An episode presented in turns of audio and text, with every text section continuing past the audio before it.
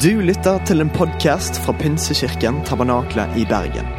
Vi tror at kirken skal være en plass hvor mennesker trives gjennom alle livets faser. En kirke for hele livet. Ønsker du å bli bedre kjent med oss eller holde deg oppdatert? Besøk vår Facebook-side eller ptb.no. Her er ukens tale.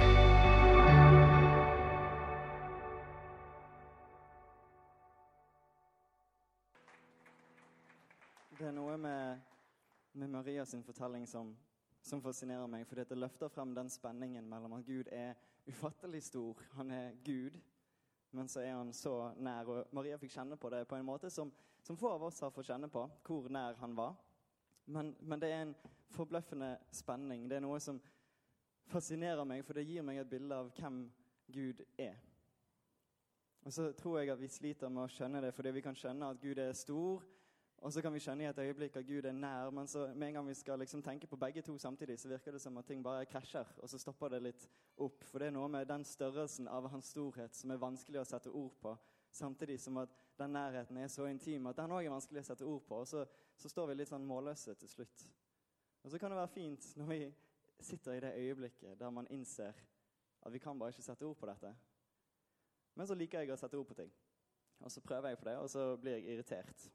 Og Delvis så tror jeg det er fordi vi sliter med å skjønne når noe er stort. Vi sier 'dette er stort', og så tenker vi sånn OK, det er stort. Men opp til et visst nivå så har vi forskjellige begreper for det. Det er sånn middels stort, det er helt sånn passe, vi har litt. Men så etter stort så er det bare stort, og så fortsetter det med å være stort. Og kanskje vi ikke liker å tenke på store ting, fordi at store ting skremmer oss hvis det er større enn oss selv. Jeg skal innrømme at jeg syns hester er litt skumle. For de fleste hester er større enn meg. Og jeg liker ikke å tenke på det. Så jeg pleier ikke å tenke på det så veldig mye. Eller kanskje det bare handler om at vi ikke klarer å se for oss store størrelser. For det med en gang det blir for stort, så blir det, vi blir bare blind for det. For eksempel så jeg, jeg, er veldig, jeg er ganske god med tall, og jeg er ganske god på å lage budsjett. Jeg er ikke så god på å følge budsjett, men jeg er god på å lage budsjett. Og, og spesielt når det kommer til hvor Grandiosa er billigst for øyeblikket. Denne uken så har det vært på Spar. Og, og, det er noe med at de, de kronestykkene her og der de er jeg veldig nøye på at de kan jeg spare hvis jeg kjøper Grandiosa på tilbud. Men når jeg, hadde, når jeg var midt i budrundene til en leilighet, så var det liksom sånn 50 000 her og der, hva er vel det? Med en gang det blir over en viss sum, så blir det liksom bare tall vi ikke helt klarer å fatte. Og Her om dagen så, så snakket jeg med, med, noen venner om hvor mye en milliard kroner er. For jeg tenkte en milliard er jo ikke så mye. Fordi en million er jo ikke så mye. Og en milliard er jo sikkert ikke så mye mer enn det. Det er ikke så stor forskjell, det er jo bare store tall begge to. Men så regnet jeg litt på det. Og jeg fant ut at med den samlede inntekten til, til meg og min kone eh, vi, vi, har en inntekt som er helt fair, og vi, vi, klarer oss fint. Men med den samlede inntekten så ville det tatt oss to år å spare til å få en million.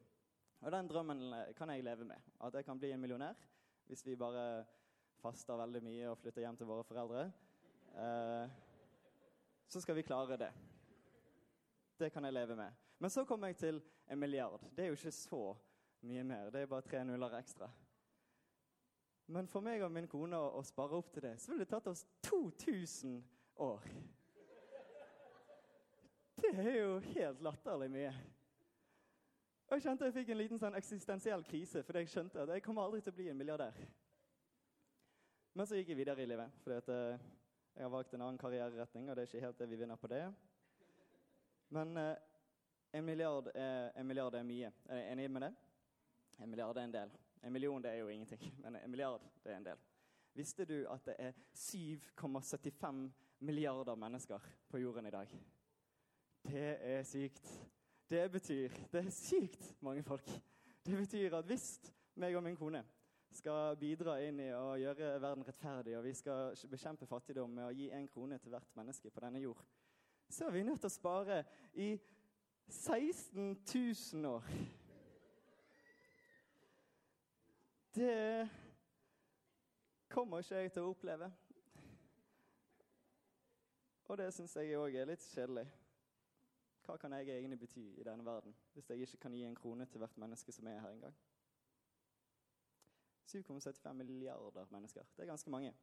7,75 milliarder unike fortellinger, unike liv, unike DNA-sett. Unike mennesker. Og for oss som tror på at Gud skapte alle disse menneskene, så sier det noe om hvor stor Gud er. Dette er 7,75 milliarder mennesker som bor nå, for ikke å snakke om alle som har levd. Gud er enormt kreativ, som kommer på så mange unike liv som han kan skape. Som han kan opprettholde, som han kan la leve. Det gir meg et bilde av hvor stor Gud er. Og for en prestasjon det var for Gud å skape oss. Vi er fantastiske. Se på oss. Se på meg. Gud har gjort en god jobb. Gud er stor. Bare tenk på alle de tingene som vi stopper opp i verden for å se på hva mennesker har gjort, og så lar vi oss beundre og så lar vi oss fascinere, og så tenker vi wow, dette er stort, dette som mennesker har fått til. Denne bygningen som vi har reist, den atletiske prestasjonen, det fjellet som han klatret, det, det at han klarte å løpe maraton på under to timer. Men vi, vi lar oss fascinere av så enkle ting som er fantastiske ting som mennesker har gjort gjennom hele historien. Alle imperier som er blitt bygget, alle bygg som har blitt reist, alle, alle vandringer som har skjedd, alt vi har oppdaget. Og alle disse tingene, det skjedde på denne lille planeten vår, som vi kaller jorden. Og rettere sagt så skjedde det her. Dere ser det veldig dårlig, men, men altså her Hvis vi får opp en pil her Der. Det er en liten blå flekk der. Det er oss alt det fantastiske, alt det ubeskrivelige, alt det store som har stopp, fått oss til å stoppe opp og måpe over denne verden vi lever i, over hvor stor mennesket menneske er, det har skjedd der. På den lille flekken. Målet mitt er ikke å få deg til å føle deg liten, men, eh, men å innse at du er liten.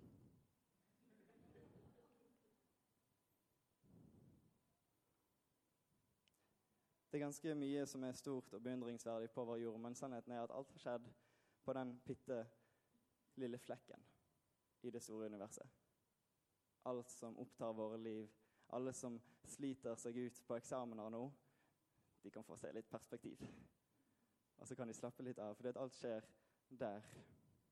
Visste du at det er 384 000 km fra jorden til månen? Det betyr at hvis det hadde vært en motorvei fra jorden til månen, så hadde det tatt meg og min kone eh, 160 dager i strekk for å kjøre 100 km i timen til å komme oss til jorden. Det virker overkommelig, men er, hvis vi tenker på det, det er ganske langt. Og jeg skjønner det. Jeg tror det er 400-500 km herfra til Oslo. Så da er det mange ganger det, tur-retur, cirka. Men visste du at det er 149 600 000 km fra jorden til solen. Så med en god motorvei der Man tenker at det er jo ikke så langt til månen, så det er, sikkert, det er sikkert ikke så mye lenger til solen. Men med en god motorvei der så måtte det tatt meg og min kone ca. 170 år i strekk for å kjøre 100 km i timen til solen.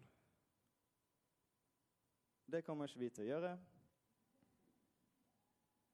Visste du at vårt solsystem det er bare ett av av flere solsystem i den galaksen som vi er en del av, Melkeveien. Dette er ikke et ekte bilde av det, fordi vi har ikke vært utenfor for å kunne ta et bilde, men dette er et bilde som er laget av mange andre bilder.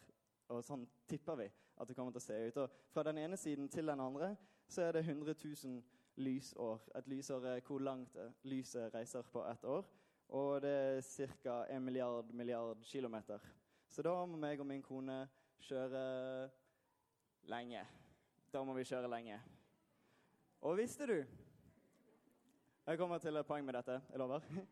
Visste du at, uh, at vi, uh, inkluderer oss i denne bragden, vi har laget et teleskop som kan se ut i universet. Som kan se ting som vi ikke klarer å se med vårt øye herfra.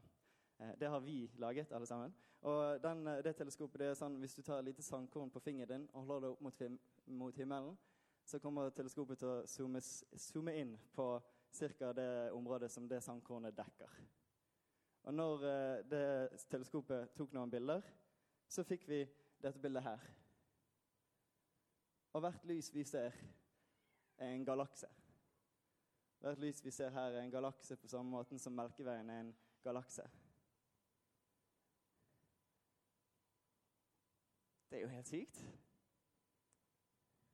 Melkeveien, som er 100 000 lysår i bredden, er en galakse. Og så er dette det vi ser hvis vi bare dekker himmelen med et sandkorn fra fingeren vår. På ca. en armlengdes avstand. Ut ifra dette så, så, regnes det ut at det er ca. 100 milliarder galakser. Og hver av de er ca. 100 milliarder stjerner. Så i, i, det, i, den delen av universet som vi kan se, som vi klarer å få et lite øye på, så regnes det at det er ca. 10 000 millioner millioner millioner stjerner. Det er mange stjerner, og det sies at det er flere stjerner enn det er sandkorn på jorden. Så når Gud sier til Abraham at uh, skal, du skal få en ett som er så stor som alle sandkornene, så er det, det er ganske mye. Det er ikke bare bare. Og blant alle disse stjernene, blant alle disse planetene og galaksene, så plutselig så finner du Melkeveien, så finner du vårt solsystem, og så finner du solen vår, og så finner du vår planet som er plassert akkurat på en måte som gjør at det går an for oss å leve der. Vi har alt er satt i stand sånn at vi er nærme nok solen til å få varmen nok til å overleve, men vi er ikke så, lang, så nærme at vi brenner oss. Vi er nærme nok månen til at gravitasjonen funker som den skal, og vi ikke slenges av jorden med tanke på farten som vi spinner rundt vår egen akse på. Alt ligger til rette for at her klarer vi å leve. Ikke i sentrum av universet, men i en sånn lite sidestykke, i et sidestykke av galaksen. Et tilfeldig sted, virker det som. Og så er vi der. Vi tror på en Gud som skapte alt dette. Han som skapte himmel og jord, han som sa 'bli lys', og så ble det lys. Og I Salme 33 så leser vi 'Ved Herrens ord ble himmelen skapt'. Hele himmelens hær ved pusten fra hans munn. Han samlet havets vann som i et kar, la havets dyp i forråd. Hele verden må frykte Herren. Alle som bor på jorden, må skjelve for han. Han talte, og det skjedde. Han befalte, og det sto der. Gud er stor. Gud er ufattelig stor. Vi har ikke sjans til å ta inn over oss hvor stor han er. Han som skapte himmel og jord, han som skapte stjerner og planeter og galakser. Han som skapte alle mennesker, kjenner alle mennesker, elsker alle mennesker. Og Hvis du er litt som Marit, så kan du til og med si et lite halleluja til hvor stor Gud er.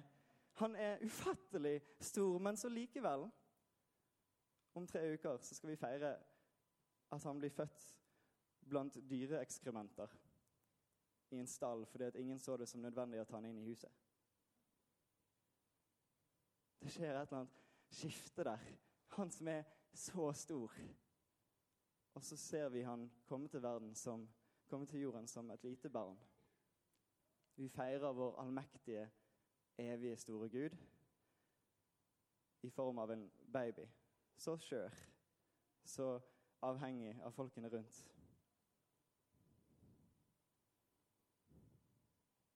Vi må huske at, Jesus er ikke bare en tilfeldig person. Han er ikke bare en god skapning, men Jesus er Gud.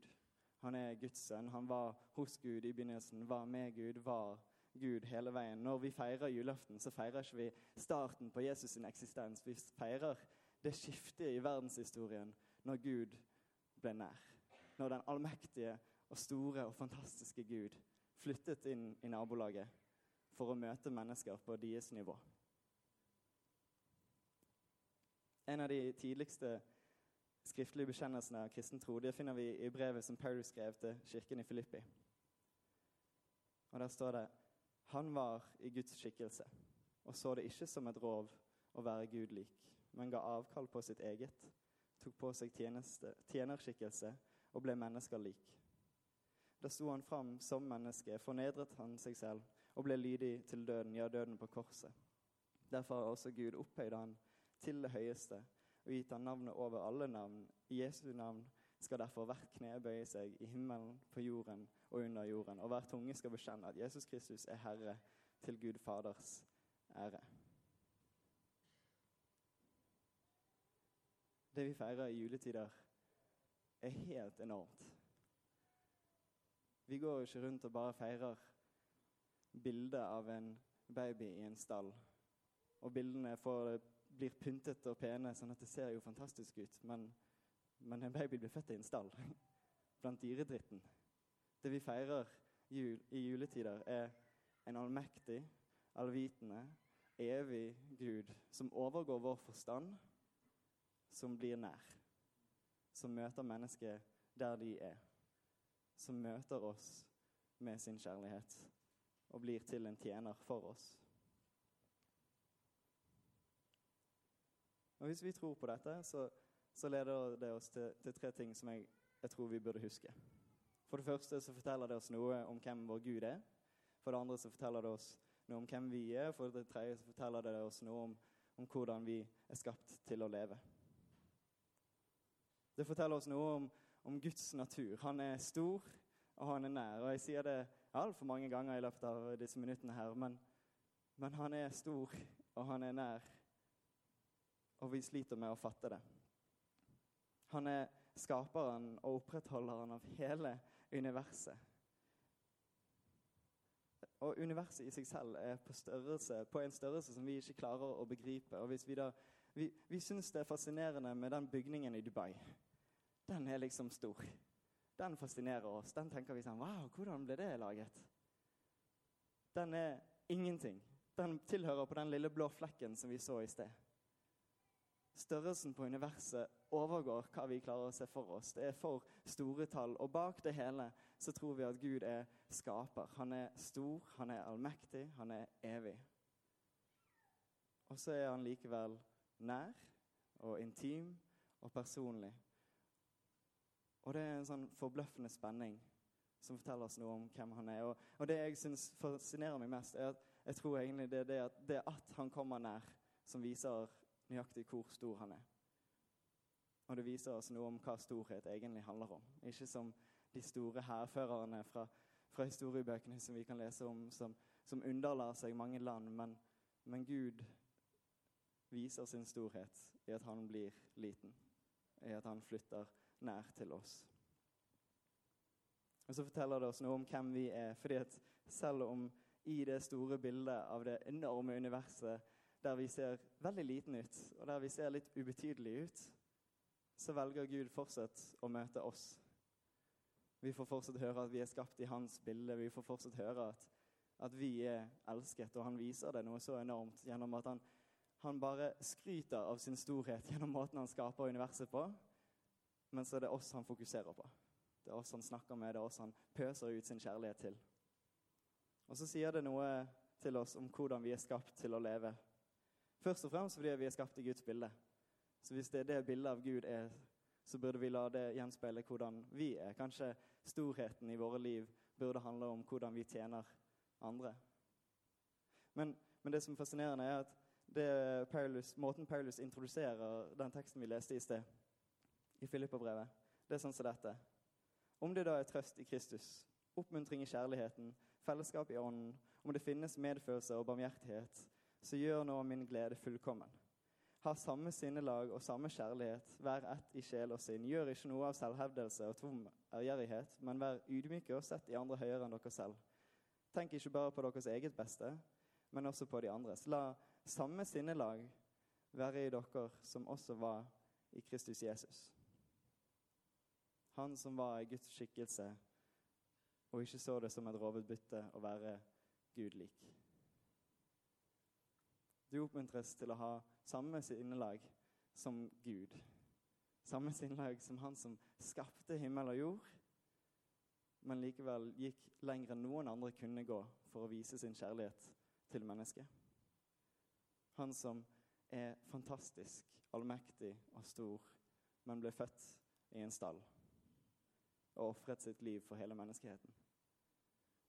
Du oppmuntres til ydmykhet, du oppmuntres til tjeneste. Og, og, du vet selv best hvordan det kan se ut i dagene som kommer i ditt liv. Men kanskje det er det som kan være med å forme våre tanker i møte med julen, i denne adventstiden. Kanskje heller enn å tenke på hvordan skal vi pynte krybben i år, så kan vi tenke hva er dette sinnelaget som vi ser hos Gud i at han blir født i en stall? Og hvordan kan jeg gjenspeile det i mitt liv? Jeg er overbevist om at det er et godt liv for meg og for de rundt meg når jeg sikter meg inn på denne innstillingen her. Å kunne leve i den tryggheten av at Gud leder han. Du kan få lov til å reise deg opp.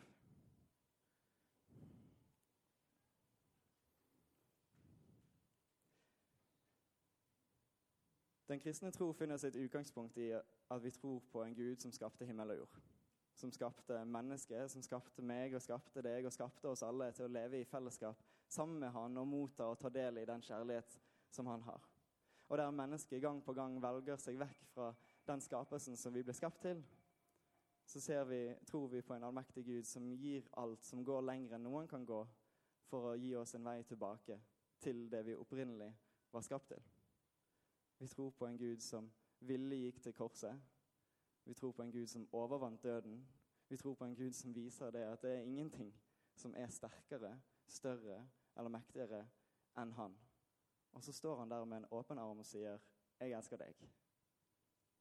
Det kristne livet i etterfølgelse av Jesus handler ikke om å skulle gjøre ting på riktig måte eller gjøre dette eller dette, men det handler om å si, 'Dette er den Gud jeg tror på'.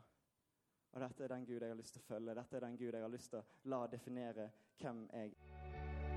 thank you